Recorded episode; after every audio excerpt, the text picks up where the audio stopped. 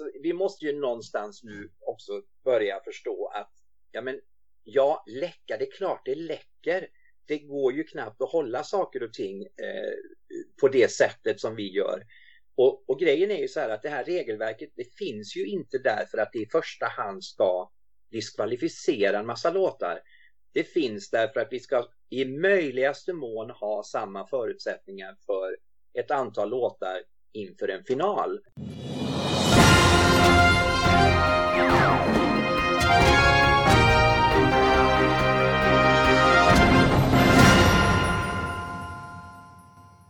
Allihopa och välkomna till ytterligare ett avsnitt av Slager på Finlands podcast och det här lär nog eh, bli det absolut sista för säsongen 2018 lär jag misstänka. Men inte den här gången eh, heller kommer jag få vara själv utan såklart jag har med mig Ronny i Stockholm. Hej Ronny! Hej hej, jag är här för att styra upp saker och ting. Ja, som vanligt.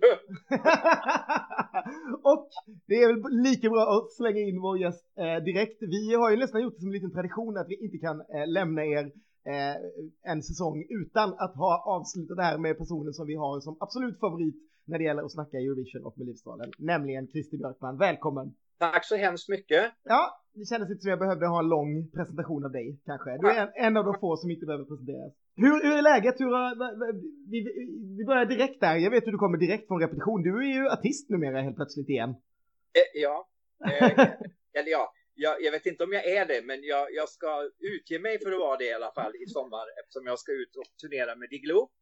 Eh, och just nu så ligger vi i hårdträning eh, och det är väldigt, väldigt, ja, det är ju alltså så här, det är ju jädrigt roligt. Det är ju fantastiskt kul att testa det här igen. Eh, men det allra roligaste är nästan att det är så många människor inblandade i det här som normalt sett följer min pipa. Eh, och, gör, och gör det jag säger till dem att göra. Och nu är det de som talar om för mig vad jag ska göra. Och de tycker det är jättebesvärligt en del av dem. Så jag bara, ja, nu, nu ska du ta den här koreografin och nu ska du göra det och gå dit och gör det. Och jag, och jag är skitsnäll verkligen. Jag är sådär, ja, ja, ja, och lyder allt de säger. Och så kommer det sådär mot slutet, det är jättekonstigt att, att bestämma över dig. Men eh, det här är ju så himla spännande. Var, var, har du liksom plockat in så låtar som du känner att det här vill jag sjunga? Som du har liksom gått så här nu i, när du själv varit med och valt och tänkt att den här, den här skulle jag liksom vill göra en killversion av. Eller är det någon annan som har bestämt det? Så tänkte jag ju att det skulle bli. Men det är precis snarare så som du var inne på det allra sista där.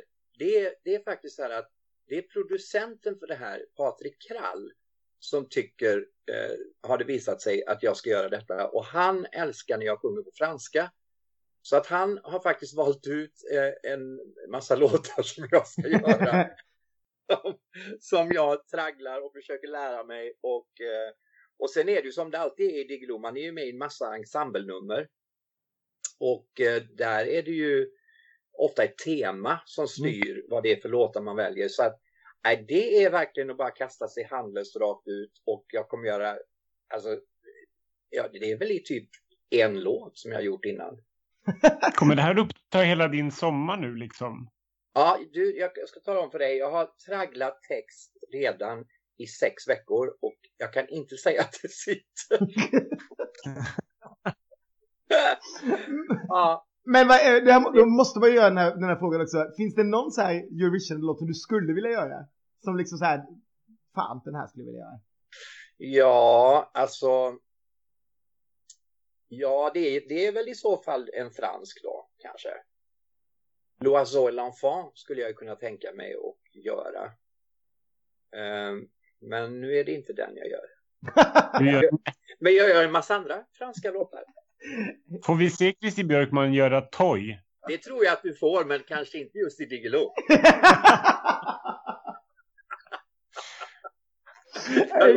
Någon gång under turnén nästa år så ska jag göra det.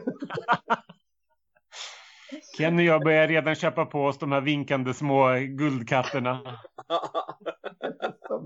ska, vi, äh, ja, ska vi gå tillbaka dit då? Eller blir det baklänges? Var ska vi börja någonstans äh, och reda ut? Det är väl lika bra att hoppa tillbaka en månad äh, till Eurovision.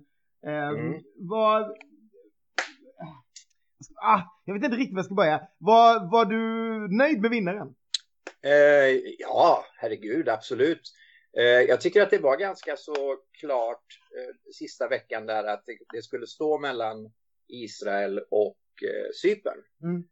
Och eh, alltså för min personliga del så var det egentligen oviktigt vilken av dem det var. Det viktiga tycker jag var att det blev en hit i år. Mm. Eh, och att man kände att det var en låt som var alltså, kunde funka på radio, som skulle kunna bli en streaming-hit och som eh, alltså man kan, inte, man kan inte ha statements för många år i rad, liksom, utan det är fine då och då, absolut. Eh, men för att tävlingen ska eh, fånga upp en ny publik och eh, fortsätta hålla sig stark så måste vi få närvaro på radio. Mm. Och, så vi behövde en hit och båda de tycker jag är det. Mm. Så att det var fine. Eh, vad tycker du om året i övrigt, liksom, så här, alltså rent låtmässigt? Var det ett starkt låtår? Jag tyckte det var ett jättebra år. Eh, det var, alltså, det räcker ju inte att säga topp 10, man får ju säga faktiskt kanske 12, 13, 14, alltså där någonstans, 12, 13, 14 låtar var ju riktigt, riktigt bra. På olika sätt innan det började bli att du gick till låt två i en viss genre. Liksom. De var ju så otroligt olika där uppe i toppen också. Eh, men alla var bra, även om det var i en udda genre. Jag menar, även om du tar Moldavien till exempel, som egentligen var en, en kuplett, eh, en revylåt, så var den ju väldigt bra. Och den var väl utförd och det var ett jädrigt roligt nummer. så att alla de här var ju bra. Österrike hade en skitbra låt.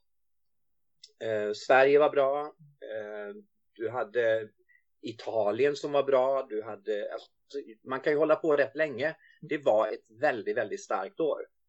Eh, och det är kul, bara det. Det måste varit en mardröm att sätta den där startordningen. Allting som var liksom favorittippat var väl dessutom på sista halvan. Ja, alltså det, det, finns ju den begränsningen i det där systemet. Samtidigt måste jag säga att det är så mycket bättre än att inte ha det. Mm. Eh, så, det så det måste man säga först.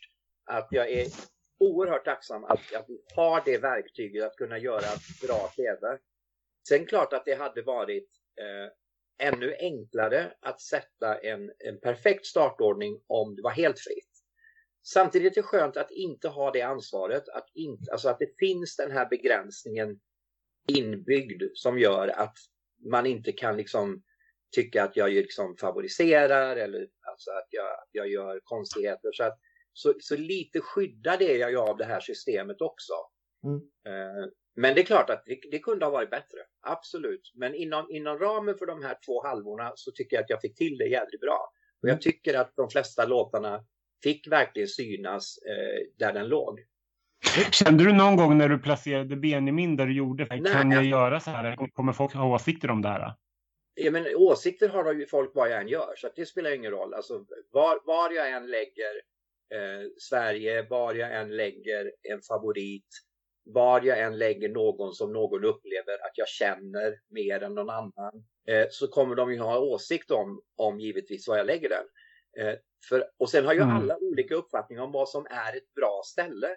Alltså för mig handlar ju, är ju ett bra ställe där du märks mellan den som är före och den som är efter. Då ligger man på ett bra ställe, för det är det som är hela vitsen med det här. Det är att liksom att man tittar före, man tittar efter och så ser man okej, okay, vad kommer sticka ut här emellan och, och synas de här tre minuterna? Eh, och det är ju det som är själva grundprincipen. Eh, så att, eh, ja, alltså kritik det får du ju alltid när du, mm. när du gör det här. Så att det, det spelar inte så stor roll egentligen. Mm. Jag tyckte det var ganska mycket så att oddsen gick igång i 180 på vad du hade placerat dem. Alltså Irland flög väl upp och var vinnarkandidat en stund när du hade gett dem ett stadsnummer nära slutet och sådär. Det, det där var väldigt konstigt i år. Ja, det, det, ja, det var Ja, men jag tror ju också att han, han hade ju en, en, en um, han hade ju för mål, alltså den aktiva målgruppen ja. så hade han ju en väldigt tilltalande iscensättning av den där låten. Eh, och den är ju charmig och söt och, och, och gullig sådär så att jag tror att det, och det var också en effekt av det. Och sen ser man ju också, alltså det, det är oerhört svårt att bedöma hur mycket de här oddsen igen, alltså hur stor spridning de här oddsgrejerna har. Eh, för man såg ju under sändning, om vi tar det här med England till exempel. Mm. De, när, när det hände när, när han sprang upp och tog hennes mikrofon. Så gick ju hon från 23 plats till femte tror jag. inom loppet av 40 minuter eller en halvtimme. Och, och det säger ju en del om, tror jag, alltså hur, ändå hur begränsad eh, spridningen är på den, den här eh, vadslagningen. Mm. Eh, så, att, så att vi kanske lägger väl stor vikt vid den, kanske. Mm. Samtidigt så, så, måste jag säga att jag lärde mig nog att, för jag var helt övertygad om att Israel inte skulle vara en så stor favorit som den var. Alltså den var ju däremot tvärtom då, att den låg ju etta på oddsen hela tiden. Jag tänkte nej, det här är sånt liksom jämnt starkt år. Kommer inte folk bara tycka det är konstigt med kycklinggrejen och hela den grejen? Så visade det sig att där hade ju oddsen rätt i stort sett hela tiden. Mm. Att det var liksom favoriten som vann, vilket ju liksom till skillnad från förra året med Italien så att där det visade sig bara vara ett litet luftslott liksom. Så ja, ja det, det, är jätteintressant det där, men man får nog lära sig att under veckan så är det nog verkligen bara målgruppen och de som sitter på plats som styr oddsen och det ska man kanske inte lita på ja. jättemycket. Men... En, en sak till där om det här med Israel. Alltså, jag, jag måste säga att jag var inte säker förrän jag hade sett henne på scen. Mm. Eh, för, att, för det var en sån där som likt Italien förra året som han var då på ett annat sätt. Han var ju nonchalant uppe mm. på scen och vägrade ta några kameror och han var han förmedlade verkligen inte den glädje och charm och värme som, som den låten gjorde i Sanremo. Mm. Eh, och det gjorde ju att han tappade väldigt mycket mark, tycker jag. Eh, och, och, och det kunde ju ha varit så med henne också. Att hon hade varit favorit så länge att hon hade klivit in i någon slags attityd som inte går hem. Men det gjorde hon ju inte utan hon, hon var ju precis så där som hon var på videon. Och, och då när man såg att hon var det då kände man att jo men det här håller. Mm. Det, här, det här kommer faktiskt eh, och, och det, har, det hade så högt skärmvärde tycker jag i hela bara detta att de hade lärt sig att sjunga de här elektroniska ljuden, bara det var ju fantastiskt tycker jag. Ja, nej det var, mm. ja, absolut. Nej, jag tycker också absolut att det var en värdig vinnare. Det var nog bara lite förvånande att det var så tydligt både liksom, hos jury och folk att det var där det skulle mm. hamna. Eh, ja, på tal om det, vi får, måste ju ta upp vad hände egentligen med de svenska poängen hos Europas röstare? Vad, vad var det som gick fel? Alltså nu skulle jag säga att vi var ju inte favorittippade sådär jättemycket rakt i L igenom mot som vi brukar vara, så var det väl kanske, men det där var ju väldigt, väldigt lågt mm. för att vara vi. Var, samtidigt som vi var väldigt, väldigt populära hos juryn. Eh, där satt vi ett tag och var halvnervösa att vi skulle eh, vinna mm. nästan igen. Vad, vad, vad, vad, vad, är vi miss, vad missar vi liksom? Vi verkar ju verkligen ta fram juryfavoriter, men vad är, vad är det som inte riktigt klaffar liksom? Ja, men den här låten är ju, är väldigt, väldigt speciell. Alltså den har ju en otroligt laid back, eh, väldigt cool eh, presentation. Eh, den, den, är också otroligt soft sjungen. Eh, det, det, och det finns inget utrymme i den att, att lägga in en överväxel. Mm. Det går liksom inte att sjunga den låten med en överväxel därför att då, då, då skiter sig falsetten. Utan den bygger verkligen på att han lyckas hålla den här exakt den här liksom jämna eh, låga energin rakt igenom låten. Den är ju extremt radioanpassad och den är extremt producerad sådär som amerikansk musik är. Mm. Eh, och jag tror snarare att det är alla skriker högljutt efter uppmärksamhet i det här programmet på lördag kväll och det är 26 låtar och han skriker överhuvudtaget inte alls efter någon uppmärksamhet. Han tittar till någon gång då och då på tittaren. Eh, jag, jag, tror att, jag tror att för tittaren som inte har sett det här eller hört det här förut så rinner det lite förbi. Mm. Sen tror jag att man uppfattar låten i efterhand. Och det har ju också visat sig att låten går ju fantastiskt bra i, i eftermälet efter. Och det var väl lite så den gjorde i Sverige också egentligen den var väl inte så att den seglade upp och blev huvudfavorit efter deltävlingen utan det där växte ju in eh, på folks medvetande och låten liksom eh, växte sig stark eh, över tid. Mm. och det där, är ju, det där är ju en fara, tack och lov att det finns jurygrupper för de uppfattar ju kvaliteten, de uppfattar ju hur jävla bra den är och hur rätt i tiden den är och hur snygg låten är och hur bra han också gör den. Mm. Men, eh, mm. men jag är inte jätteförvånad, även om jag inte alls hade trott att det skulle vara så lågt, så trodde jag nog att det skulle vara det förhållandet.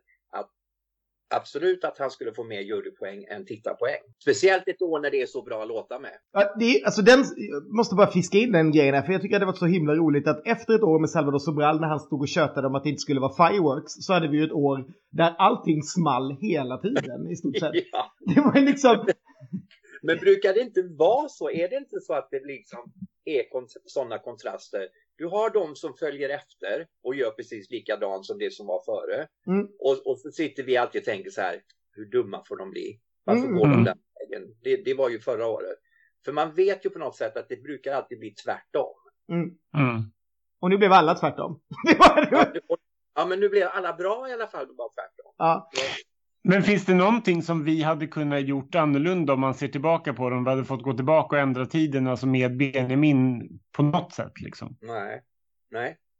Eh, absolut inte därför att det numret byggde på en, en idé som såg ut så där. Eh, och som sagt, den är uppbyggd på ett sätt där det är falsetten som är bärande och en falsettlåt kan du inte göra något. Du kan inte göra något åt det. Det, det är som att, alltså Måns var ju i det läget också att man kände inför sista ställningen där att nu måste han lägga in en överväxel. För nu, nu är de så vana och bortskämda vid att han är så jävla bra hela tiden. Så nu Mm. behöver vi göra någonting mer så att kommentatorerna faktiskt du vet, vaknar till och tänker oh shit, nu är det på allvar. Mm. Eh, Och det går i en sån låt. Du kan Mm. slå på en överväxel, du kan lägga till en leenden, du kan lägga till en, en energi. Det går ju inte i ett så här styrt nummer. Det är liksom varenda liten eh, huvudnickning är ju liksom satt. Mm. Så att, nej men, herregud, sjua är fantastiskt. Ja, absolut. Och det ska vi inte Mm. glömma bort. Absolut inte. Men det, det är mest bara, det, det, jag, det jag tänker på mest, det är så här.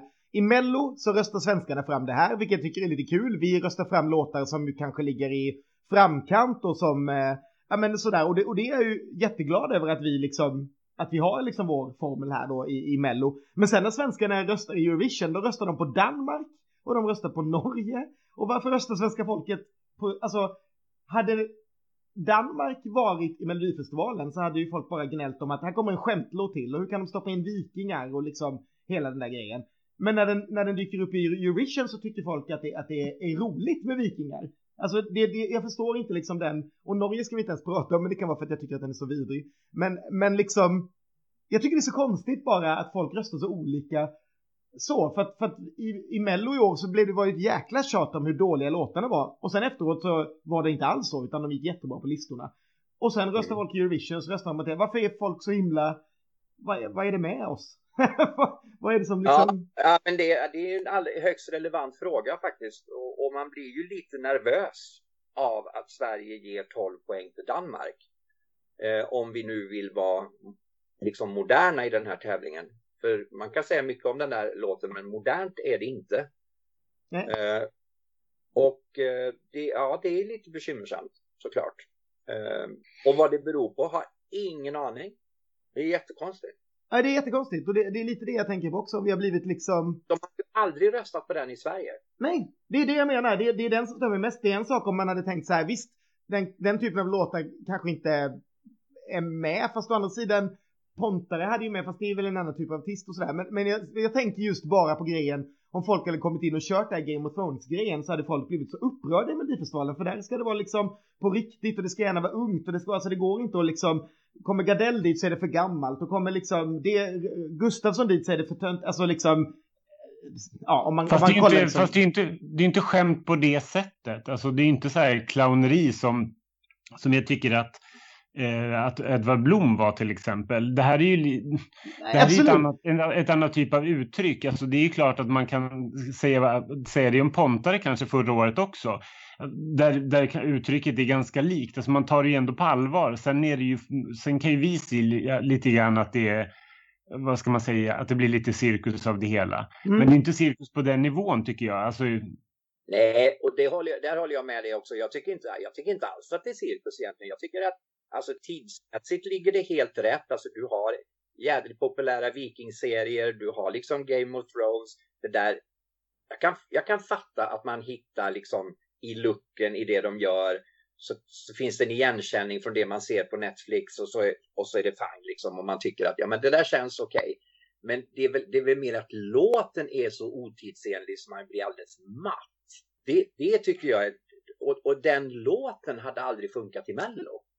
Nej, det, och det är det jag tänker på mest, alltså just det där att det inte hade, ja, för, jag, för jag känner mig så säker att det inte hade funkat här och det är där jag börjar undra då varför tänker vi svenskar på ett sätt när det är Mello, vad vi tror att Eurovision, vad folk ska gilla, men sen när vi väl tittar på Eurovision då tänker vi mera något helt annat och det är det som andra också tänker och behöver vi då, jag vet nu kanske jag bara övertänker allt, men tänker vi för mycket nu i Mello på att det ska vara liksom modernt och snyggt och det ska vara nummer. Ska vi, ska vi gå tillbaka lite igen, vi som har liksom legat och tryckt där? Att är det dags att släppa liksom Röstade vi mer på ett nummer i år kanske och glömde bort det där att vi behövde ha någonting rakt i ansiktet också? Eller så att inte...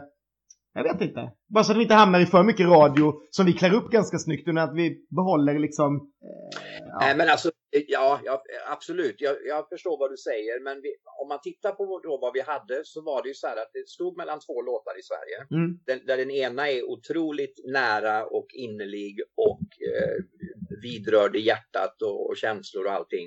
Och den andra är då en väldigt slick, modern, eh, amerikaniserad poplåt. Eh, och nu blev det den. Eh, mm. men det kunde ju lika gärna ha blivit Felix eh, mm. standard, tänker mm. jag. Eh, så att i det här fallet var det bara att vi hade två väldigt bra alternativ. Och, och huruvida saker och ting är rätt eller fel, det, det ska man aldrig ens spekulera i, för det spelar ingen roll. Men så jag menar, nej, jag tycker att vi, vi är där det, absolut där vi ska vara. Eh, sen kan man ju då som alltid, för det är roligt, spekulera i hur hade det gått om det hade varit Felix. Och det är ju en mm. spännande mm. diskussion. Ja, det är ungefär som när vi, men för det är nästan på, alltså risken med Felix hade varit just att det hade varit det du sa nyss, att ingen skickade, vi hade ju varit de som hade skickat, skickat samma sak året efter, på något sätt. En lugn ballad med väldigt innerligt nära, sådär. Så på det sättet är det ju bra. Alltså i år skulle vi snarare skickat Semir och Viktor om vi ville ligga i tid med vad, vad alla skickade. Fast, fast jämfört med, med vinnaren förra året så var ju eh, Felix en oerhört modern Ja, pop. ja men absolut. Jag är ju Felix också flera dagar i veckan. Men eh, en annan sak som jag tänkte på där, som var inne och snuddade med Storbritannien, det här med hur, hur kunde människan komma upp på scenen? Alltså när man är på ett Eurovision så är det, det är ju som att vara i, på en flygplats hela tiden. Det är ju så mycket säkerhetskontroller hela tiden. Och ändå är det här mm. andra gången på vad är liksom på åtta år, som, nej, på, eller tredje gången på åtta år som det kommer upp någon på scenen. Det är så här, mm. är, är, det för att vi har, är det för att man vill ha den här närheten till publiken och tror man att kommer det att påverka liksom framöver eh, på något sätt? Ja, alltså det måste ju tyvärr göra det. Eh, man har väl, man har ju försökt i det längsta att behålla eh, den här typen av närhet eh, som vi har förhållandevis då mot andra evenemang. Men, men risken är väl att det, att det är över nu, att man måste göra på ett annat sätt. Det är jädrigt tråkigt, men, men jag kan inte tänka mig att det, att det blir något annat än, än den effekten av det här. Mm. Um, och det är ju alltså det är ju så jädra snabbt gjort liksom. Mm. Uh, och klättra över de där barriärerna och ta sig upp. Uh, men det intressanta var ju att hon valde att inte sjunga om och, uh, och det, det, tror jag handlade om att hon, hon blev ju så hon blev ju så triggad av den här incidenten så att hon, hon hade ju en energi som var enormt mycket mer livfull än vad hon hade visat på något rep före. Mm. Så att, så att det, det, var säkert rätt. Ehm, det är, det är ju tveksamt om hon hade kunnat göra det bättre än det hon gjorde, för hon var ju verkligen all in liksom. Ja. Mm. Så att ehm, nej, de tyckte väl att det, och hon kände ju det, att eh, hon, hon hade varit skitbra, så hon ville inte. Mm. Ja, man kan ju inte bara, alltså, man, Israel nästa år känns väl kanske inte riktigt som stället som något sånt skulle kunna hända. Jag misstänker att det där kommer vara ett riktigt aber eh, nästa år, var vi än hamnar i Israel, med säkerheten. Mm. Uh, uh, uh. Ja, alltså, ja, de är ju samtidigt jädrigt bra på säkerhet. Och de har ju gjort det tre gånger innan, ska vi ju komma ihåg, och det har aldrig hänt någonting. Så att eh, hittills har de ju ett fläckfritt eh, track record. Det ska man inte glömma. Kommer det bli liksom en diskussion kring det där eller kommer det vara som när vi, när, när ni då, för vi var ju inte med, jag åkte till Azerbajdzjan eller liksom eh, det är ju alltid så, alltså det finns väl inte något mer infekterat ställe att åka till i hela världen kanske än Israel skulle man kunna gissa. Kommer det bli liksom diskussion om att skicka en svensk artist dit? Jag menar, speciellt om det blir Jerusalem som väl ligger på någon sorts lista eh, som eh, utrikesdepartementet rekommenderar svenskar att inte åka till. Eh, och så vidare. Ja, det, alltså det där är ju en sak som vi kommer få titta på när det är bestämt var det kommer vara. Mm. Eh, och det är ju en fråga mellan, mellan Israels eh, public service tv-kanal och EBU. E och nu ska väl de träffas här under juni en första gång formellt och diskutera detta. Sen får vi ju se och avvakta och se vad de kommer fram till. Men Eh, när det sen är bestämt så, så kommer man ju titta väldigt eh, noga på givetvis hur säkerhetssituationen ser ut. Vi kommer ju eh, säkerligen ha kontakter med eh, UD i frågan och eh, vi kommer ju följa de rekommendationer som de ger oss. Mm. Så är det ju. Mm. En annan sak när vi pratar i programmet så måste du bara, du berättade en sån rolig sak nämligen när vi var i Portugal om om programmet och hur de tänkte. För att vi upplevde det som ett av de kanske sömnigaste Eurovision-finalerna historien. Alltså runt eh, sådär. Men du hade en ganska kul, eller en, en tanke kring det som jag tyckte var rätt fin. Ja men alltså det är ju så här när man, när man bor och lever med portugiser under en längre tid och man, man följer deras eh, diskussioner om musik. Eh, vi, vi, vi pratade väldigt mycket om programinnehållet. Eh, och de, de tycker ju på riktigt att det var väldigt stor skillnad i energi på de här akterna de hade i finalen. Eh, och den här eh, mellanakten då med, med Branko och de här tre artisterna, den tycker ju att de, de tycker att den var klubb. Alltså det där var ett klubbnummer. Och, och, och efter ett tag så så, så börjar man faktiskt så smått förstå vad de menar för att det, de har inte större uttryck än sådär. Alltså all, all, all deras musik är textburen eh, i första hand.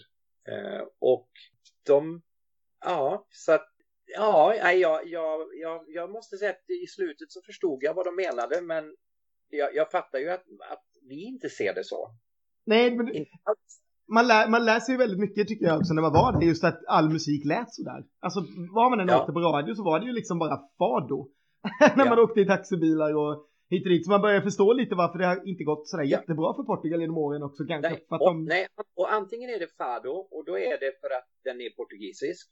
Eller så har du musik som har någon slags suggestiv uh, underground tonalitet och då är det alltså en mix av portugisisk och deras tidigare kolonier som har, som har bildat subkulturer inom musiken. Men de är ju inte högoktaniga i energi de heller utan de är ju kvar liksom i samma typ av eh, temperatur fast det är en annan genre. Men eh, det, det är oerhört intressant. Har du något har du något favoritbidrag från Portugals förflutna i Eurovision? Ja, Desfolgada. Absolut.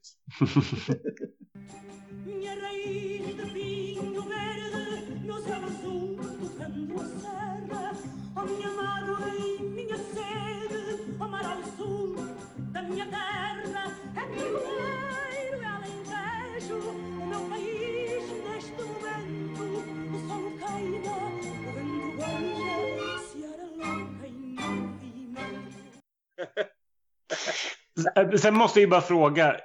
Kommer Christer Björkman någonsin få tillåtelse att besöka Spanien igen efter eh, att de fick start nummer två? Ja, alltså då är vi tillbaka igen på det där. Eh, man, man får liksom det startnummer där låten mår bäst och där låten märks mest. Och den låten låg väldigt fint där.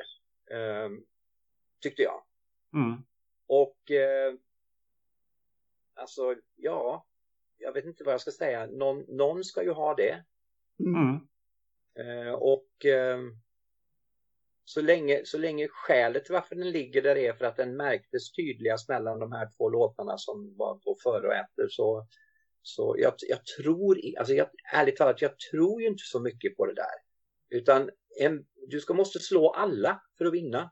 Mm. Eh, så att det spelar liksom egentligen ingen roll var du hamnar. Eh, och är låten tillräckligt bra så, så, så kommer det fixa sig i slutändan mm. i alla fall. Jag, jag, upplever, jag tänker ju att du har ju väldigt mycket makt just att man, att man tittar så mycket på det här med startordningen. Och, eh, är det så att, alltså betyder det så mycket så att folk liksom blir sura och bakom kulisserna och att, att du märker av att när du har placerat liksom ett land på ett visst startnummer och så, eh, att folk tar det här på allvar och att det blir en grej av det? För du känner ju väldigt många inom Eurovision-bubblan, liksom massor med olika länder.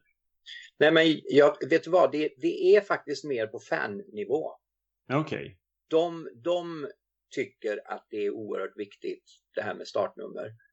Eh, och de lägger väldigt stor vikt vid, det, vid detta och eh, man får läsa mycket och man får mejl och man får arga kommentarer och eh, sådär. Men, men aldrig från någon delegation eller head of delegation har jag aldrig fått. Okej. Okay. Spanjorerna skyller sig själva för de eh, lyckades ju eh, lägga den stora hitten på tredje plats har de ju märkt efteråt. För den var vad nu? Det blev som 50 miljoner views på Lomalo på uh, YouTube. Den är ju helt enorm den där låten som kom tre hos dem. Mm. Så jag tror att de, uh, de har nog insett att det kanske inte hade hjälpt vad du än hade stoppat den där. Men det var ju verkligen som att åka till Spanien ibland och vara där nere för det var så mycket spanjorer. I alla fall fanmässigt så var det ju liksom, det var ju spanska låtar man fick DJa när vi var ute. För att det var ju så mycket mm. spanjorer. Så där har man verkligen ett land som man vill unna en vinst just ur den aspekten. Men det är väl lite, lite samma, de mest fanatiska fansen, spanjorer och israeler och nu har de ena fått vad de vill. Så att nu är det men de, de, är ju verkligen fantastiska. Alltså de spanska fansen är ju ljuvliga att ha att göra med. Alltså de är, de är verkligen så hängivna och eh, outtröttliga i sin tro också på till och med sitt tv-bolag. Alltså vad de än hittar på så liksom så backar de dem och, och tycker att ja men nu, nu, nu händer det. Ja, nej, själv kände jag bara att jag tyckte hela tävlingen fick liksom syre i år. Jag hade, hade jag bara fått en, liksom en vinst till, till Sypen så hade jag varit så himla lycklig att bara gå in i det där. Nu, nu tycker jag det känns lite jobbigt med Israel-biten, eh, men annars var ju allting bara smashing det här året. Väldigt kul eh, Eurovision-år, mm. måste jag säga. Men däremot så ska vi, ska vi, Mello, har ni börjat redan? Eller hur det är, du är bara Diggiloo nu så du låter någon annan sköta det där med Nej, Och gud nej, vi, vi, har, vi, har, vi har inte slutat överhuvudtaget. Det, alltså, vi har haft massor med möten på, eh, på telefon. Vi har eh, vi planerar, vi har reviderat regelverket. Vi har eh, vi tittar på att utveckla appen. Vi pratar eh, och förhandlar producent. Vi håller på att prata programlederi. Vi, vi, vi är i full gång. Revidera regelverket lät jäkligt intressant måste jag säga. Den blev jag lite nyfiken på. Vad är ni nu? Nej men alltså det gör vi ju varje år. Vi, vi tittar ju igenom eh, och eh, ser om det är något som ska justeras. Eh, och eh, inte minst faktiskt rensa bort. Eh, alltså det, det, när man gör om och reviderar ett, ett sånt där ganska omfattande dokument så är det ju till slut så här att det finns ju inget kvar av det som var original. Utan det är bara en massa omskrivningar och om, så till slut är det ju så här. Är det någon som begriper det här dokumentet överhuvudtaget? är, det, är det läsbart? Så att vi har faktiskt eh, tvättat det eh, väldigt, väldigt mycket och eh, moderniserat skrivningarna och tagit bort en väldig massa gammalt skräp som bara har legat kvar eh, och gjort en del justeringar. Spännande. Mm. vi, för det är ju lite det där man tänker på varenda år när, när låtar börjar läcka och hela den där grejen. Hur länge vi kan hålla det som ändå väl de flesta av oss tycker är det häftiga med låtar som är, ja. ja, hela den där grejen. Men, men det, där, alltså det där är också en grej. Alltså, vi måste ju någonstans nu också börja förstå att ja, men, ja, läcka, det är klart det läcker. Det går ju knappt att hålla saker och ting eh, på det sättet som vi gör. Och, och, grejen är ju så här att det här regelverket det finns ju inte där för att det i första hand ska diskvalificera en massa låtar. Det finns därför att vi ska i möjligaste mån ha samma förutsättningar för ett antal låtar inför en final.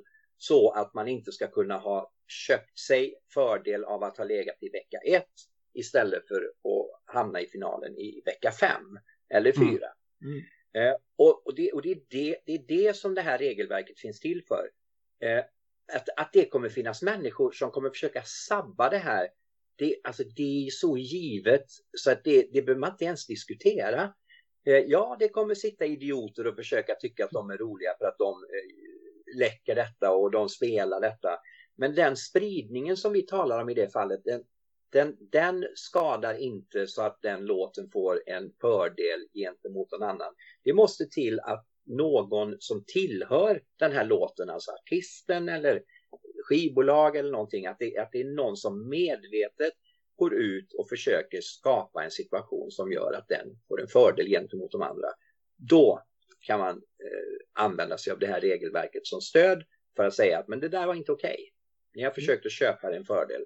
Eh, men i annat fall, vi kommer, alltså, jag kommer inte ens kommentera det här mer.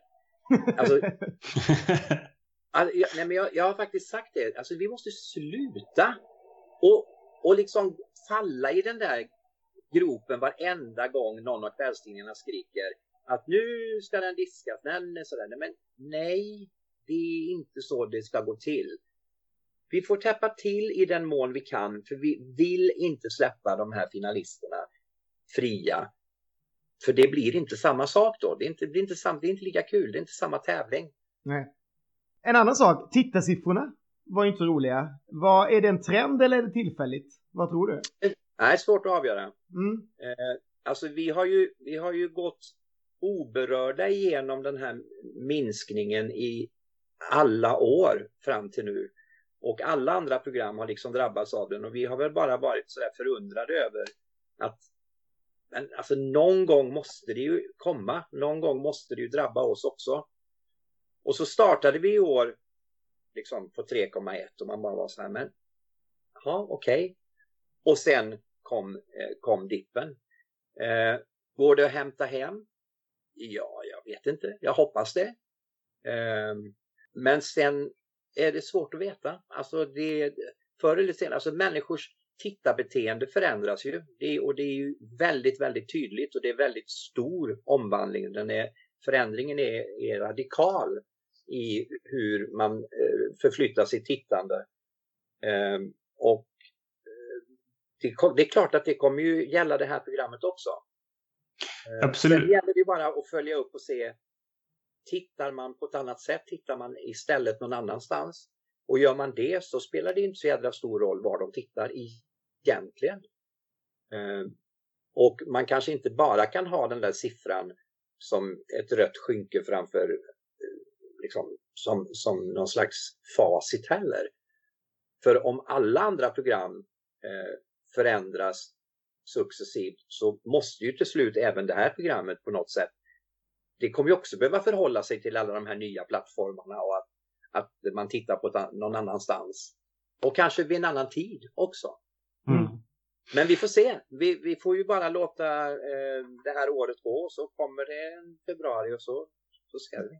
Jag, jag, tror, jag tror ju verkligen att det bara, alltså att det till väldigt, väldigt stor del handlar om att programmet var rent, rent dåligt i år tycker jag. Jag tycker verkligen att det är, jag älskar Melodifestivalen och låtarna var ju grymma tycker jag, men tyvärr så var det ju verkligen så att programmet blev ju bara alltså, sämre och sämre. Till skillnad från tidigare år där man har hämtat upp det efter ett tag eh, på olika sätt, liksom att det kanske var lite svajigt i början. Eh, så jag hoppas ju verkligen att, att jag hoppas att det sker någonting radikalt bakom kulisserna också kanske, att man skramlar om och att man tar in lite nya personer kanske. Mm. jag, jag, måste fråga dig där, eftersom du är ansvarig numera bara för eh, tävlingen, men ändå får typ all skit. Får du inte det? Eller är det inte ofta så man känner liksom att det alltid börjar slå nu, på innehållet är kass. Släng bort Christer Björkman. Tröttnar du mm, inte på det ja. någon gång? Och, och, också det där som, som vi tröttnar på, alltså vår käpphäst i år, det här att alla skrek att låtarna var så dåliga när det egentligen var innehållet som var dåligt och att man, man blir så här, men nu lyssnar ni inte. Nu, vad gör ni liksom? Och att den blir inte du, kan inte du bli frustrerad? Nu, du behöver väl inte sitta här och prata om vad du tyckte om innehållet kanske, för det är väl dumt, men, men vad, kan du inte känna den frustrationen att det är så här, men håll isär jo. saker? Ja men, jo, men, jo, men det är klart att det är. Och framförallt i stunden är det ju väldigt eh, frustrerande därför att det är ju så här att vi vet ju att vårt resultat har inte vi förrän flera månader efter tävlingen är över egentligen. Om, om man har ett bra innehåll, vi kan ju vända på det och säga så här, det har ju funnits år när innehåll har burit tävlingen också. Mm. Vi, kan till, vi, kan gå till, 2013 till exempel, mm. som, var, som var ett väldigt bra innehållsår. När vi hade Gina och eh, Danny eh, som programledare som var lysande tycker jag. De, de gjorde ett fantastiskt jobb, det var jättefina program. Eh, och de gjorde skitbra underhållning. Eh, och, och tävlingen var verkligen inte bra. Eh, men det hörde man inte så mycket om. Eh, utan, det var bara, åh vad Mello var bra. Det mm. liksom var kontentan av det året. Eh, I eftermälet kunde vi se att Ja, fast så bra var inte tävlingen. Det blev inte så himla många klassiker och det blev inte jättestora kommersiella framgångar heller. Så, så det, det, kan ju funka åt andra hållet också. Men vi vet också det som är frustrerande är att vi kan inte hävda att tävlingen var bra i år förrän vi har ett resultat utanför programmet och luta oss mot. Mm. Det gör att vi kan inte, vi kan inte bemöta heller när, när man säger det där. Det finns, vi har ingen kraft i det. Vi, alltså, ja, det är klart vi kan säga jo men vi tycker att det är en bra tävling. Men det, det säger vi ju per automatik såklart. Det måste vi ju säga. Oavsett vad vi tycker. Mm. Men, men när man vet att det är ett bra år och det ändå får ta stryk. Då måste du bara bita ihop och så får du vänta tills du kan lägga fram det där resultatet som säger att okej, okay, vi hade 15 låtar på liksom, hög rotation på radio. Vi nådde en väldig massa olika målgrupper. Massor med artister från årets tävling är nu i olika sorters tv-program där de representerar olika målgrupper också. Och vi kan titta på Spotify som är snabbare då och där kan man få ett ganska snabbt svar. Så att idag kan jag, ju, kan jag ju med säkerhet säga att jo, det var ett bra år. Det var ett bra tävlingsår. Men, det, men det, det går inte att begära av tittaren som sitter i stunden att skilja på det. det för oss är det en skillnad och för oss som jobbar med det och för, för er som följer det så, är det, så, så tycker vi att men är ni, är ni helt liksom vad är det ni inte förstår? Eh, men, men jag tycker inte man kan begära det eh, av tittaren för de, de får en upplevelse när de sitter där. Och de kan inte riktigt skilja på, det är inte deras uppgift heller att skilja på, är det, är det tävlingen eller är det innehållet? För dem är det programmet. Mm. Och när programmet inte levererar, då blir, då åker allt ihop med. Egentligen. Eller speciellt tävlingen tror jag. Om mm. innehållet inte uppskattas. Hur, hur mycket tror man att eh, liksom, Eurovision påverkar nästa år? Alltså nu när den ändå gick ganska bra. Eller vad liksom eh, i Eurovision? Tror man att folk tänker på sånt? Att det liksom håller ja, upp intresset lite? Ja. Är det viktigt ja, att vi får en bra placering? Ja, men jag, jag tror överhuvudtaget, jag tror det är lika viktigt. Jag tror att det är en bra placering för oss. Eh, och jag tror att man har ganska, alltså topp 10 är, är någonting som man begriper, det är jävligt bra. Att vara mm. topp 10 i den där tävlingen konstant, det är jävligt bra. Det tror jag man fattar. För det är så pass tuff konkurrens och det är så många låtar så att det tycker man är bra, det tror jag. Eh, och när, när helheten i det programmet, för, för jag har verkligen hört oerhört mycket positivt om årets Eurovision, som inte är speciellt alltså, Eurovision-engagerade, som tycker fan det var bra liksom. Mm. Det, var, det var trevligt att titta på. Eh, och det var spännande och, och det var kul. Eh, och då, då tror jag att det i sig är väldigt, väldigt viktigt. För att det fanns ju en tid när, när vi tyckte att ja, men vi behöver inte Eurovision. Nästan. Mm. Eh, vi har Melodifestivalen och det är så bra så att det får vara hur det vill. Men det, det, tycker vi ju bara för att det kanske inte levde upp till de förväntningar som vi hade då på Melodifestivalen. Nu när det börjar närma sig, tycker jag, eh, och också kvalitetsmässigt, att det faktiskt är så att det är inte så jädra pjåkigt, utan det är faktiskt, det är faktiskt ganska intressant och det är spännande och det är inte helt givet. Eh, och det är inte liksom, jag menar, till sådana här stornationer som Ryssland, Ukraina, Azerbajdzjan, som helt failade i år. Liksom. Eh, så att det händer ju saker. Eh, och, och att vi fortfarande ändå kryssar emellan det där och faktiskt klarar, klarar den där topp 10-placeringen. Det är, det är fantastiskt bra. Men kan, vad, vad, tror du, skulle vi allihopa nu kunna hjälpas åt att försöka lyfta fram en kvinna som kan representera Eurovision så att det inte blir en ung popkille ännu ett år? Mm. Tänker man lite grann på det eh, alltså när ni, när ni planerar Melodifestivalen och så, har man, har man något sånt i åtanke liksom att men vi kan verkligen inte ha en liksom, ung kille igen? Eller det får bli så om det blir så om han har en stark låt? Ja, alltså snarare så. Vi, vi noterar ju det på samma sätt som du gör det. Att, eh, att det har varit så. Sen det är ju, inte sen Sanna har vi ju haft eh, en, en tjej. Mm. Eh, och, och samtidigt är det ju så här att det är ju det är ju bästa låten i slutändan som vinner. Bästa låten, bästa numret. Um, och um, den är, den, det är ju svårt, alltså det är ju svårt att påverka det där. Mm. Speciellt, alltså vi, vi, kan ju, vi kan ju kombinera, och det gör vi också, vi kan ju kombinera ihop jävligt bra låtar med jävligt bra tjejer.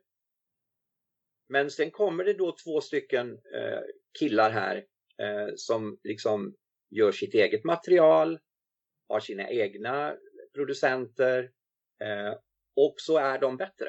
Mm. Eh, och det är sådär, ja, det är... Jag trodde du skulle säga Ronny, kan vi allihopa hjälpas åt att lyfta fram en svensk Eleni? ja, det, vore ju en, det vore ju en dröm, men jag kan, hur mycket jag än tänker på det så kan jag inte komma på någon som man skulle kunna forma till en Eleni. Och dessutom så skulle svenskar tycka att det var too much. Jag är helt säker på det. Ja, men det skulle aldrig funka med Melodifestivalen. Mm. Nej, Tyvärr. så är det. Man får, som tjej får man nog inte vara så i Sverige, i Mello, utan det får nog... Och det märkte vi att den var väl inte... Eh, det var inte, var det topp fem bland svenskarna när vi röstade, men det var inte topp tre. Jag sa det, folk ringde in på heller. Det är väl någonting som, eh, som inte riktigt får vara sådär eh, hos svenskarna kanske. Men eh, vad, vad, tror vi annars? Kommer det komma några trender för Eurovision som kommer läcka in i Melodifestivalen? Eller Melodifestivalen är ändå mera eh, svensk, liksom, den sneglar mera på listorna än vad den sneglar på eh, Eurovision? Uh, nej, jag tycker alltså så här, jag tycker att vi halva Melodifestivalen typ sneglar väl på listor. Det är väl någon slags sån här eh, grund vi har att vi ska försöka ha eh, Eh, halva startfältet ska väl på något sätt ha en, en förhoppning om bäring på radio och på, på list, alltså på olika plattformar. Eh, sådär. Men, men resten ska ju faktiskt vara eh, bredd eh, för andra åldersgrupper, andra genrer eh, och eh, och där handlar det egentligen bara om, tycker jag, att försöka fortsätta att ha, hitta så, så bra material som möjligt. Och kanske vara också hårdare i vår bedömning när det kommer till eh, de här etablerade namnen. Eh, och, eh, och, och ställa, ställa högre krav på dem. Att det måste vara en riktigt bra låt. Mm. Och det där är ju en, det där är en svår balansgång. Eh, vi vill ju också att de ska vara med. Mm. Och om de tror väldigt mycket på en låt så är det ju svårare att övertyga en etablerad artist om att byta den där låten mot något som vi tycker är bättre. För vad är bättre? Alltså när det gäller musik. Alltså det där är ju så oerhört svårt. Och någon som är etablerad och hållit på länge, de tycker ju sig veta vad som är bäst för dem. Mm. Mm. Så den är ju svår. Eh, det, det, är ju mycket lättare att, att, att eh, övertyga en, en ung oprövad artist om att här har du två spår, det där är ett bättre spår mm. i det sammanhanget. Ja. Vad betyder det för de här, bara en verkligen Ronny-fråga, men vad, vad, betyder det för de etablerade så gamla namnen att, i, att Jessica Andersson gick direkt till final? Betyder det någonting för tävlingen och betyder det någonting liksom för när ni ska ta in den typen av artister? Ja, det tror jag. Det tror jag mm. absolut. Eh, det, det, är en, det är en väldigt, väldigt bra eh, händelse överhuvudtaget. Alltså dels är det kul att, eh, att en, en, eh, en sån ikon som hon är eh, lyckas. Det, det, är fantastiskt bra. Det är viktigt, det är roligt. Och nu har ju både hon och Magnus med sina senaste framträdanden gått till final. Mm. Och det tycker Magnus Karlsson, ska jag väl tillägga då. Och det är, ju, det är kul och det, det tror jag är viktigt. Det kommer hjälpa till framöver. Mm. Men jag tror även att Rolands finalplats är viktig. Mm.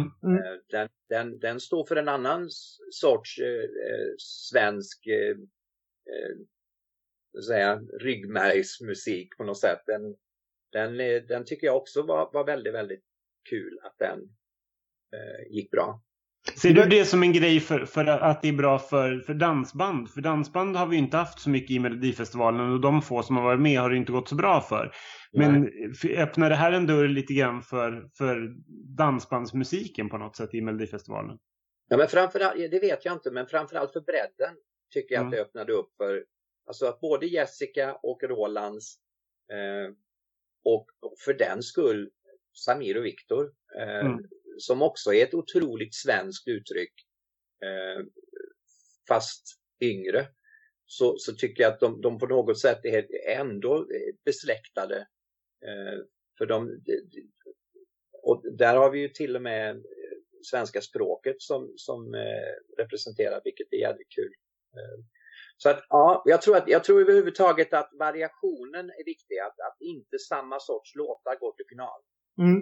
Vi hade faktiskt en massa grejer i år nu när jag tänker på det. Dels att en Andra chansen-låt blev den största hitten, vilket är ganska häftigt. Det säger en del om att Andra chansen fortfarande inte är, är någonting som vi behöver ta bort, utan där kan hitsen komma. Och eh, Margaret också, för det var väl ganska länge sedan vi hade någon som inte var svensk som var artist och lyckades gå till final. Eh, vilket tycker är lite häftigt att det är de här som eh, ändå har haft hits men det, folk egentligen inte är så himla i den världen vi lever i låter ändå någon som är polsk få gå till final. Eh, som inte kan mm. svenska liksom. Samtidigt som jag skulle älska om vi någon gång kunde skicka något på svenska nu för nu tycker jag att eh, de nationella språken har ju lite kommit tillbaka i Eurovision och det liksom vore ju ännu mm. roligare att få, få till något för att vi det finns ju jävligt mycket, om man kollar på listorna är det väldigt mycket musik nu som ligger som är på svenska också. Så att... mm. um, är det något vi har pratat om? Nej, jag tycker, vi, jag tycker vi har gått igenom väldigt mycket av det som jag hade tänkt att vi skulle prata om. Så det, det känns väldigt bra. Jag, jag är väldigt nyfiken på, på hela Diggiloo-grejen. Liksom att, att du ska bli liksom folkparksartist igen. Hur, men du nämnde ju lite grann om eh, liksom, just det här med att, att ta order från folk som, som du tidigare gett order. Men du ska ju även sjunga och liksom göra duetter med massor med människor som, som du har haft, plockat med i Melodifestivalen. Hur, hur blir deras relation till dig? Liksom, eh, har de haft svårt att förhålla sig, upplever du, så här långt? Liksom? För du har ju varit deras chef på något sätt. Lite grann, ja, allihop faktiskt. Ja. Alla har ju varit med i Mello. Alla som är med i år har ju varit med i Mello under min tid. Men hur blir det framöver då? Alltså liksom, kommer inte det bli något sån där, inte det liksom sån där kattmynta för Aftonbladet och Expressen nästa gång som liksom, vem det nu, eh, någon av de där kommer med igen liksom? Jo, jo. De kommer de där bilderna åka upp när du sjunger duett liksom med, nu kommer jag inte ens ihåg vilka som är med men. jo, men det kommer de ju göra, eh, såklart. Eh, det kommer de säkert att göra. Men å andra sidan så var det ju så varje år, eh, om vi går tillbaka tio år i, i tiden, alltså till 03, 04, 05, när jag fortfarande var artist också, samtidigt som jag gjorde det här. Då var det ju sånt hela tiden. Eh, och det var ju också ett av skälen till varför jag slutade eh, som artist, för jag kände att det är inte hållbart liksom. Men nu så, nu vet ju alla att jag ska sluta om tre år så att nu, det är inte så mycket att tjafsa om egentligen. Vill, orkar de dra det ett varv till så får de väl göra det. Eh, men jag, jag, tycker att efter 17 år så tycker jag att jag har bevisat att jag kan skilja på det där. men eh, men det, det tror jag säkert att de kommer hinna göra något varv till av det här säkert. Men är det här början på någon slags eh, på, på någon återuppväckt musikkarriär? Alltså vill du göra mer eller är det här en one Nej, off, nej, liksom. nej, nej, det är det verkligen inte. Jag, jag har väl bara kommit till en punkt i mitt liv när jag känner att jag vill göra roliga saker.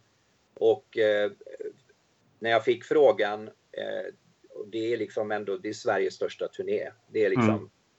eh, ja. Eh, det, det, som, det som var så roligt var ju att när, när Patrik Krall ringde i höstas och frågade mig så ställde han frågan på det här sättet. Han sa eh, ja, jag, jag skulle vilja kolla med dig om du har lust att åka med på Diggiloo. Och jag bara, som vad då?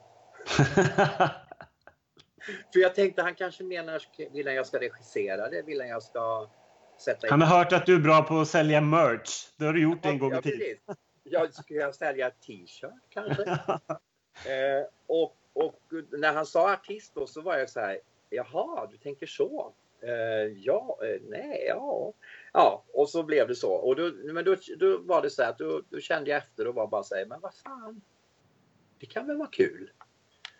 Och eh, eh, det, det är bara därför jag gör det. Eh, är det början på en fortsättning? Nej, det tror jag inte. Men eh, det Jag trodde, det. jag trodde vi skulle få skopet här att du kommer ställa upp som artist 2021. Ja, åh, tack. Nej du, det, tänk, det kommer inte att hända. Det, det, är det, det är det enda jag vet. Det kommer inte att hända. Det kanske, det kanske är något, du kanske behöver ringa in någon. Alltså, köp San Marino. Så kan du ju bara vara med i Eurovision direkt. Du behöver inte hålla på med Melodifestivalen. Det verkar jobbigare Ja. liksom. Jag och Ralf Siegel kan köra några år till där. Om, det, kan vi inte bara ta den en liten stund? Alltså det här, är inte det lite märkligt den här San Marino-grejen? Att det liksom bara säljs ut till högstbjudande? Har man liksom... Vad, vad, hur funderar man kring det? Det där bara glömde jag fråga när vi pratade Eurovision innan. Jag tycker inte det är så intressant. Nu har, de, nu har de ju också ryckt ihop de här två tjejerna som de hade parat ihop. och Jag har läst efteråt. De har så här avfrändat varandra och hatar varandra. Vilket gör det ännu mer roligt. Men eh, liksom...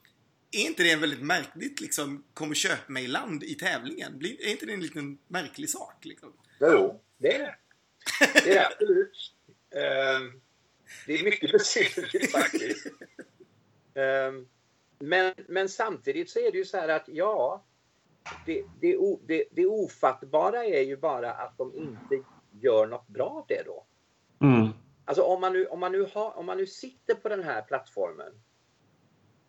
Varför vänder man sig inte till internationellt stora skivbolag och, att, och så att de kan använda det för en lanseringsplattform av någon som verkligen är bra.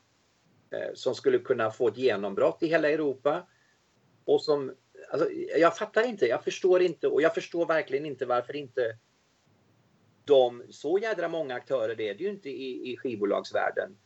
Eh, så att, och alla de är ju, åtminstone i Sverige, är de ju aktiva i den här tävlingen. Så att någon borde ju kunna tipsa någon annan chef någon annanstans och bara säga Hörni, hallå, Tappino. Men de kan ju inte vilja vinna heller. Jag vet inte, man vet ju, förstår inte riktigt vad de vill. Är det bara för att San Marino ska nämnas liksom? Det måste ju bara vara någon sån grej de vill åt. Eller varför liksom? Eller är det bara någon människa som brinner väldigt mycket för det bakom där eller? Ja, men jag tror att det finns är både och. Jag tror att det är en person som brinner väldigt mycket för det och jag tror att det också finns någon på tv-bolaget som förstår att det är bra att namnet nämns en gång om året i det här sammanhanget. Eh, Så att folk vet att det finns något som heter San Marino. Så i och för sig tycker jag nog att det, det är inte är så jävla dumt. Jag menar om vi går tillbaka till 2012 och tittar på vad eh, vad Eurovision gjorde för spridandet av namnet Azerbaijan. Och Mm. Så är det ju faktiskt så att ja, det funkar ju. Det går att göra ditt land känt över en hel kontinent via det här programmet. Så är det verkligen. Mm. Eh, så att jag tycker inte alls att det är feltänkt. Jag tycker bara att de gör det på fel sätt. De skulle Mm. kunna göra, de skulle kunna vara, de skulle kunna vara topp 10 varje år Mm. egentligen. Om de bara spelade sina kort rätt. Nu- kommer jag på en annan sak med Eurovision också som jag bara inte har pratat om. Australien. Det verkar inte som att folk gillar dem ute i Europa. Det, är, det, det, är det inte på något sätt, eller är det bara jag som får den vibben att det känns som att folk där, när Australien kommer så tänker människor, nej, det ligger inte i Europa. Och det vet ju vi att det är ganska många länder som inte ligger i geografiska Europa. Men de, det verkar folk inte riktigt, jag menar Azerbajdzjan och Georgien och Israel, men det är ändå nära. Men Australien vet alla att det ligger så långt bort och så röstar man inte på dem. För nu har det ju varit verkligen botten två år i rad. Eh, så illa har det inte... Ja, nu, ska jag, sen ska jag inte säga att de liksom kanske har varit... De har inte sjungit sådär klockrent någon av dem de här två senaste åren. Men, men i början så kändes det ju som att wow, här har vi liksom en vinnarkandidat och de skickar ju fortfarande hits och sådär. Men folk verkar ju inte... De verkar ju vara väldigt pariga ute hos, hos eh, tittare. Förutom svenskarna då som verkar gilla dem eh, lite mer. Ja, men de har ju, alltså deras musik är ju rätt lik vår faktiskt. Hit, eller har varit hittills det de har skickat har ju varit eh, musik som mycket väl hade kunnat vara i Melodifestivalen. Mm. Men, men jag kan ju komma ihåg, alltså jag tycker mig komma ihåg i alla fall att det här var vad vi alltid sa om Israel förut. Men nu, nu har Australien tagit över den rollen. Nu ifrågasätter vi inte Israels närvaro längre. Eh, men det var de som bar det oket förut. Varför mm. Israel? Mm. Det har jag, har jag hört sedan jag var barn. Liksom. Mm. Så har det varit den frågan. De är väl inte i Europa? Mm. Och nu på något sätt, nu, nu har det blivit Australien som får bära det istället. Och så får alla andra vara med på något sätt. Eh, och så fick Israel vinna. Men, men varför det inte gick så bra i år tycker jag har helt andra grunder. Jag tycker att det var, det var inte så bra. Jag tycker inte de lyckades få till det i år alls. Nej, så kan det väl vara. Eh, mm. ska inte, inte dra det mer. Jag bara, jag bara tyckte det var lite intressant för att vi hade pratat om det innan just att det känns som att det är... Folk är väldigt, mer, folk är väldigt europeiska mycket mer än vad vi svenskar är. Jag tror att det också lite fanns kanske Benjamins grej i det att man ska inte vara för amerikansk. Det märkte ju även eh, holländarna kanske. Det är, det är inte den amerikanska musiken man ska snegla på i första hand om man vill gå långt i Eurovision tror jag. Utan det är nog mm. eget och liksom nationellt och det slår hårdare hos folk. Folk tar lättare till sig någonting som kommer.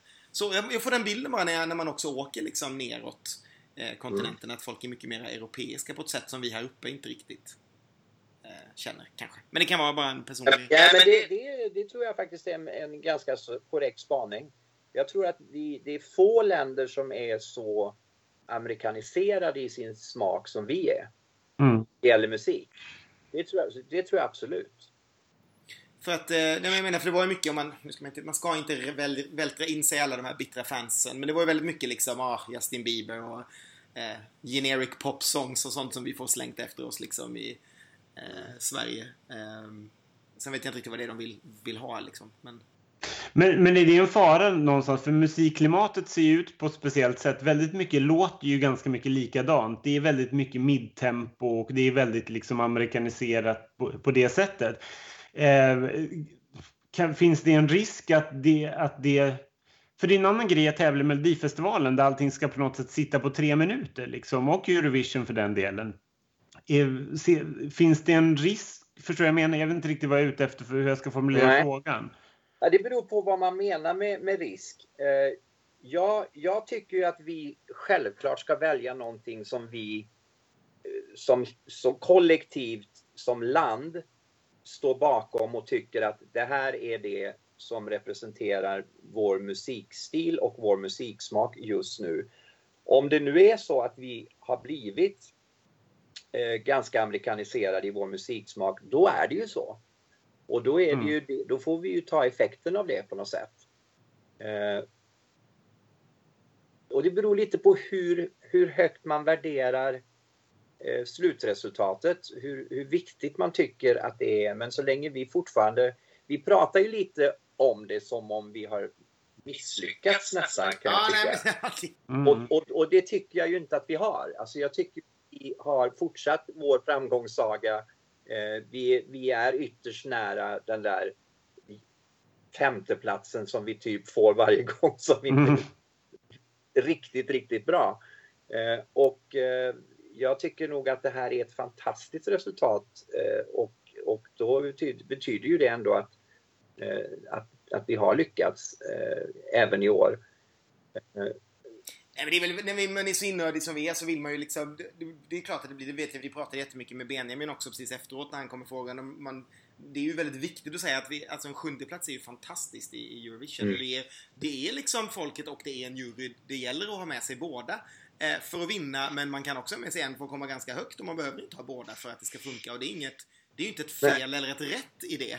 För tävlingen ser ut som den gör. Så det, det tycker jag är liksom, det, det är ju jätteintressant. Men sen är det ju det är bara vi som, man vill, ju ha, man vill ju ha med sig alla. Så då börjar man liksom skruva på den där. Och, in, och så var det ju liksom väl, ett tag hade vi väl kanske folket mer än vad vi hade jury väl under de här åren ja. vi har varit iväg. Och nu har det liksom vänt runt lite. Så att det, är väl, det är väl därför man ältade så pass mycket. Men jag menar, jag måste säga att Benjamin var ju kanske en av de härliga statister man har åkt med. Vilken, vilken positiv liksom, aura han skapade runt sig själv och liksom hela delegationen mm. och eh, alla fans han träffade. Liksom, det, det, var ju ingen som hade något ont att säga om, om honom. Liksom. Så att, eh, det, det, får man ju vara väldigt...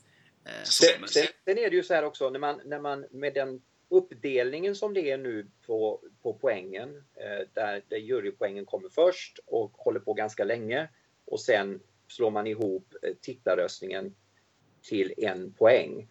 Då är det ju så att du, om vi jämför då Sverige och Italien som var raka motsatser eh, när det gällde poängen så är ju känslan av Benjamins resultat otroligt mycket mer positivt. Hans sjunde plats känns ju mycket, mycket mer som nära vinst. Mm, just det. Än, än vad Italien är som, som du inte märkte överhuvudtaget under hela omröstningen förrän de fick sin höga poäng från folket. Mm. Det gjorde att de plötsligt hamnade på femte plats. Alltså, de var ju bara, det var ju skuggfigur liksom under hela den här juryomröstningen. Eh, och då är det ju ändå så här att minnet av Benjamin är ju att herregud, han var ju i toppen. Mm. Det var ju, han höll ju på att nästan vinna. Så att, alltså om man nu får välja så föredrar jag ju då hellre att vara juryfavorit än, än tvärtom. Eh, för det, det, är klart att det, det är ju förfärligt att sitta där och inte få någonting och ingenting och ingenting och ingenting. Och så ordnar det upp sig hyfsat till slut. Liksom. Men mm. Men du visste, du visste om de här eh, telefonsiffrorna ett tag innan eh, de delades ut antar jag? Mm.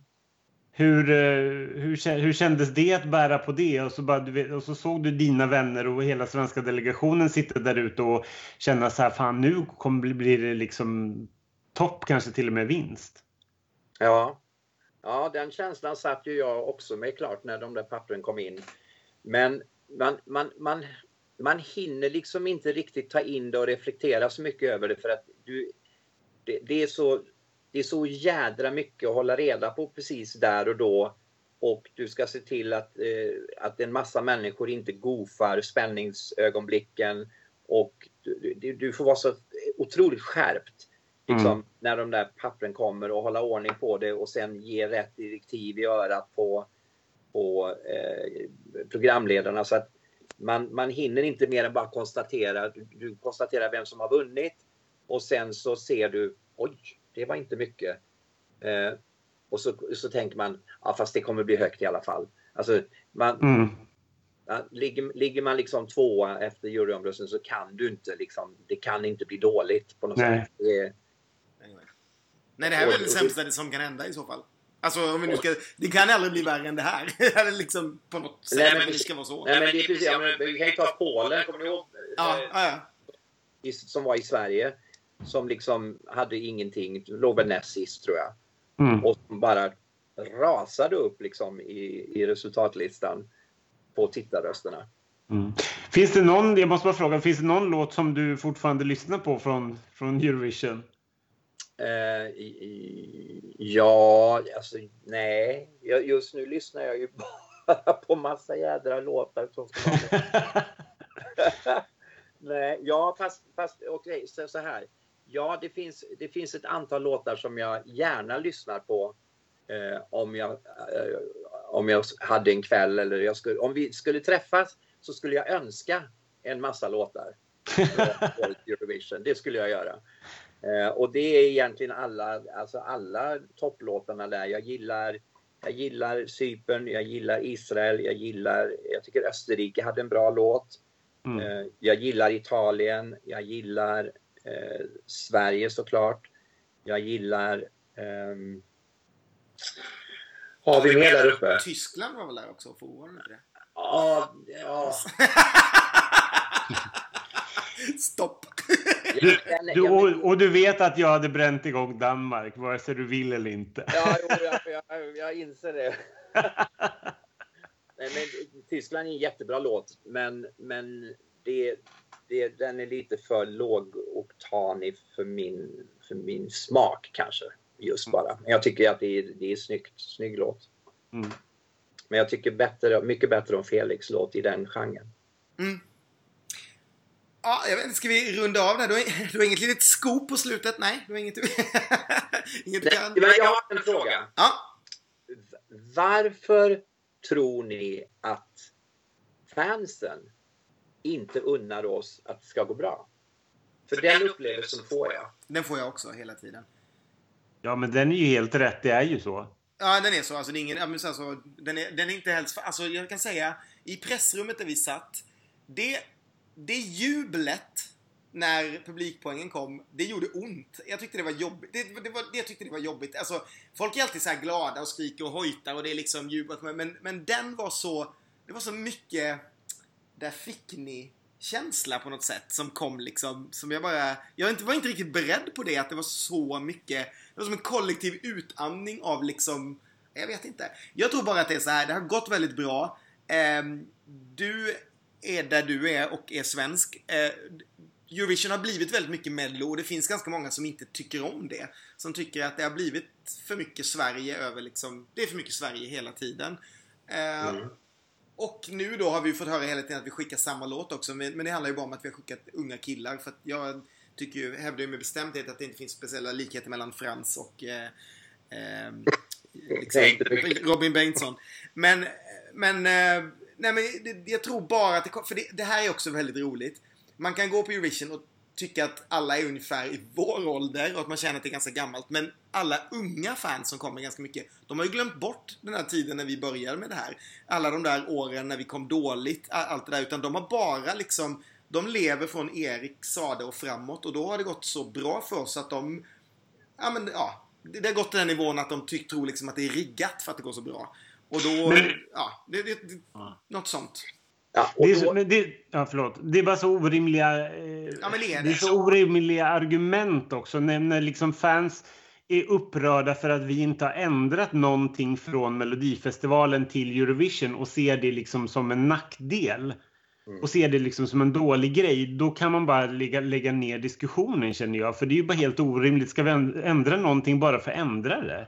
Ja, nej, men det där, är ju, det, det har ju ingen relevans överhuvudtaget i resonemanget. Men, men jag tänker på det här andra.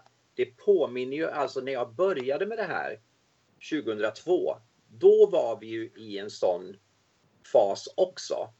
Mm. Då hade vi också haft en period med väldigt bra resultat väldigt länge. Mm. Och då var, vi, då var det precis samma typ av strömningar hos fansen. Och sen så när, vi, när det väl började gå dåligt och sen det hade gått dåligt några år, då vände de och då, då började de bli sådär istället. Nej, och nu måste det gå bra för er snart. Det här är inte okej. Okay. Och, och sen var det så. Och så var alla jätteglada när det började gå bra. Men det får inte hålla på för länge. Så, så att antagligen är det så att det det är en grupp människor som är väldigt svåra att få vara mm. helt nöjda. Ja. Mm. Men det går ju bra också, men det går ju bra med modern... Det går ju bra för oss för att vi skickar moderna låtar som gemene man ute i Europa tycker om.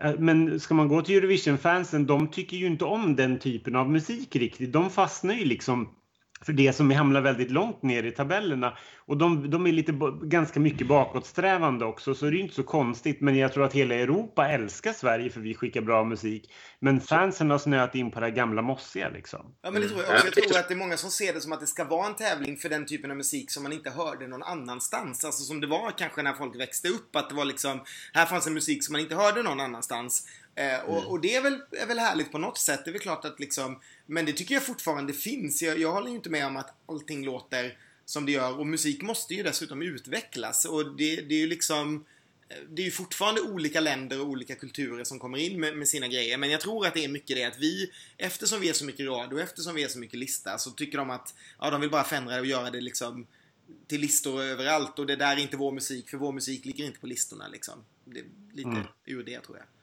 Mm. Eh, och den, den, är märklig. Jag tycker att det har blivit värre och värre på något sätt. Den är... den är inte så kul, den känslan. Sen är det ju, alltså det finns ju hur mycket folk som älskar svenska låtar som helst när man är ute också. Men nu är det så, det känns nästan lite så polariserande nu att du är för eller emot liksom Sverige. Mm. Vilket är liksom lite märkligt. Nej, men det, det, är väl, det är väl antagligen så. Det, det är väl någonting vi får ta bara och acceptera för att det går för bra helt enkelt. Och bra för länge. För det här vidare nu till Karin så att hon förstår att fansen är inte nöjda. Vi skickar fel låtar.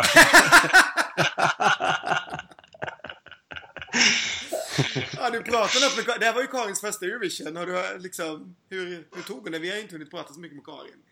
Nej, men jag tror att hon, eh, eh hon är inte avskräckt. Eh, hon, eh, hon tyckte det var jävligt roligt, men hon tyckte också att det var eh, mycket jobb. Eh, mycket, eh, mycket situationer som hon kanske inte var förberedd på och eh, hade, hade liksom någon, någon chans att, att förbereda sig för. För det, det är ju så, första gången man gör något, det, det händer ju en massa saker som, som du inte har förväntat dig. Och, och det är ju, en, det är ju intensivt. Och, och det, är ju, det är otroligt mycket du ska ta hand om, alltså det är, som inte bara har med musik att göra utan det har ju det är ju det är psykologi, det är, det är en artist som du ska liksom lotsa fram genom det här. Du ska avväga också hur mycket ska vi sälja artisten? Eh, hur mycket behöver vi spara honom? Eh, det, det, är dessutom en ung människa eh, som gör det kanske mest eh, nervkrävande han har gjort i hela sitt liv. Eh, det, det, det, är ju ett stort sammanhang och, eh, och det, det, är svårt att reda ut det där. Eh, nu är han ju så, trots sin ringa ålder, så oerhört rutinerad. Så han, han klarade ju det där fantastiskt bra. Men jag tänker också på det med, med just, vi pratade om det precis i början, den här låten. Att, att överhuvudtaget att, att sjunga i, i falsett är ju till att börja med väldigt svårt. Och det är ännu svårare under extrem nervpress. För det är så himla lätt att det sätter sig på, på rösten och att, att du får någon effekt som darrningar eller att den spricker eller och också att när du lägger adrenalinpåslaget som du får när du, när du är spänd om, det, om, du, om du inte kan behärska det så, så låter ju inte falsetten så där. Utan den, då, då, då blir den dålig. Eh, så, och att han liksom lät klockren varenda jädra gång. Det, alltså det, det är helt fantastiskt. Alltså han gjorde ett så jädra bra jobb. Det är otroligt imponerande. Mm. Mm. Pernilla son vet du.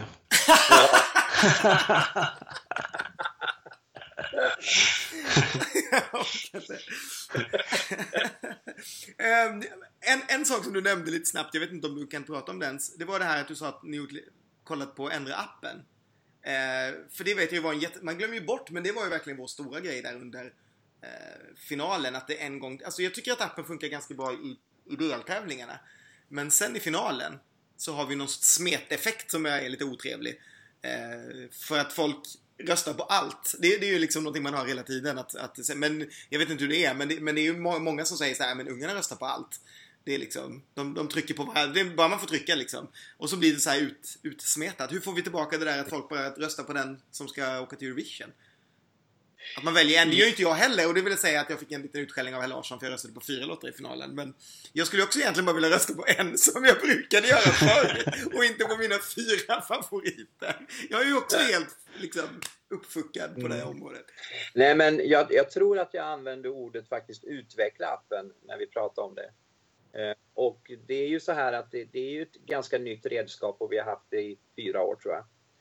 Och eh, så det finns väl alla anledning att sätta sig ner och titta på eh, hur man kan göra den bättre. Eh, och vi har, eh, vi har ett antal eh, förändringar eh, och justeringar i den som, som vi tror kommer bli bra. Och eh, så kommer väl någon annan så småningom att beskriva dem för er, tror jag. Men absolut, det är klart att vi hela tiden tittar på Eh, resultatet av det vi har gjort och så försöker vi göra det bättre. Absolut. Jag tänker bara fortfarande på den gången att för första året vi hade appen när det var, tokade till sig i deltävlingarna, då funkade den ju inte i finalen. Så andra första gången som den verkligen funkade var ju när Frans vann och då var vi ju helt övertygade om att Frans skulle vinna när Ronny då satte hela sin förmögenhet på en Frans vinst och sen visade det sig att appen gör att det bara smetar ut så det blev inte alls lika stor liksom vinst. Det var några svettiga minuter där kanske. För,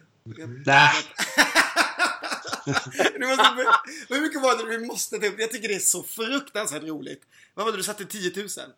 Var det inte så? Ja, för, ja, för att vinna en tusenlapp. Får vinna en tusenlapp för det var 1,01 gånger pengarna eller någonting. 1,1 gånger Nej, det var, pengarna. nej, det var dumt, men jag var så säker på att den skulle vinna. Men, eh, men, men det var dumt. Det var Men det gick bra i alla fall, så att jag Ja, ja, är ja. Och nu får jag spela att någonstans. Det, det var ju Men- en överlägsen seger egentligen, men just då eftersom appen var där första gången var det första gången man såg det här att det liksom blir väldigt jämnt med liksom procent eh, poängen. Eh, Mm. Så, när, när vi ändå hade, jag menar det var väl inte ett snack om att det var någon annan låt än Frans som skulle vinna eh, med all rätta det året. Liksom. Men, mm. Men, men om, man, om, man tar, eh, om, man, om man tar det som ett faktum bara att, att eh, det ska man väl försöka komma till rätta med. Så, så finns det ju en annan sida av det där som jag tycker då också är intressant, vilket är att jag har ju i princip inget emot att det är jämnt, måste jag ju säga. Eh, därför att i takt med också att vi når fler målgrupper, att fler olika saker tar sig till final, att det är högre kvalitet på det som tar sig till final, så är det ju också en ganska logisk effekt att det kommer bli jämnare därför också att, att man tycker att fler saker är bra. Mm. Eh, Så att i, i- rakt av tycker jag ju inte att man ska säga att, att det är en nackdel att det jämnar ihop sig. Nej, så är det Men s- sen när folk är som jag och, och värre då så, och väljer fyra, men det- på något sätt vill man ju ändå veta så här. Ja, vad kul att ni tycker att de här fem är bra. Ni kommer lyssna på dem efteråt jättemycket på Spotify. Men vilken av dem är det vi ska skicka? Kanske behöver tvinga Man- liksom, sådana som mig att ta man- det beslutet. Och inte välja både Felix och Benjamin. man- Man får ändå välja den som man tycker ska vinna och så får man rösta på sin personliga favorit ifall, man, ifall de skiljer sig. Okej, så två får man rösta på. Två tycker jag är okej faktiskt. Ja, men, men fyra då tycker jag att man är ute och cyklar. För man måste ta ställning någonstans i alla fall. Ja, men jag Ja, tar man ställning. får fan tycka någonting. Felix Benjamin och sen måste jag ju alltid rösta på din favorit också så du inte blir arg. Så jag var ju tvungen att rösta på Jessica. Okej, tre då. Ja, det är sant. Okej, då, då vet vi alltså att du röstade på Jessica. Ja. Det var en av dina fyra. Vilka var de andra då? Och så Benjamin och så Felix såklart, för det var mina två favoriter. Och Mariette också. För att jag tyckte att hon kunde varit värd att skicka och jag gillar Mariette och jag gillade låten också. Så det var de fyra jag röstade på. Fast jag tycker ändå att du var så här, det var mellan Felix och Benjamin. Jag ty tycker ändå att du var tvungen att välja någon där. För att man kan inte rösta på båda vinnarfavoriterna. Det var som att rösta på Danny och Loreen. Ah, nej men det, går, det kan man ju inte göra. Där var man ju tvungen att ta ställning. Titta! men du ska se, du, sk du skulle sett, om appen hade funnits 2012 då hade jag suttit där och röstat på båda. Då hade jag aldrig behövt ta det beslutet. Fast, fast om, jag, om jag hade fått rösta så hade jag nog faktiskt röstat på både Loreen och Danny. Ja, det hade jag också gjort. Det är helt självklart. Det hade jag, då hade jag liksom inte valt då heller, tror jag. Eller jag, jag vet inte, då var jag så fruktansvärt... Alltså jag var så nervös att inte Loreen skulle vinna, så jag hade nog kanske bara... Men så här i backspegeln så är det ju liksom... Ja, vi hade ju två vinnare. Då hade vi behövt San Marino. Vi hade Ja, behövt skicka Danny till San Marino det året. Det hade ju... ja, men han hade ju vunnit också. Ja, ja, ja. Det tror jag också. Absolut. Det, det var det, det året vi hade två vinnarlåtar. Det tror jag med. Mm. Nej, men de skickade Valentina Monetta istället för första gången med Facebook-låtar. Visst var det så? 2012? Ja, absolut. Så om appen hade funnits 1987, hade Christer Björkman röstat på Lotta Engberg eller Arja Saijonmaa?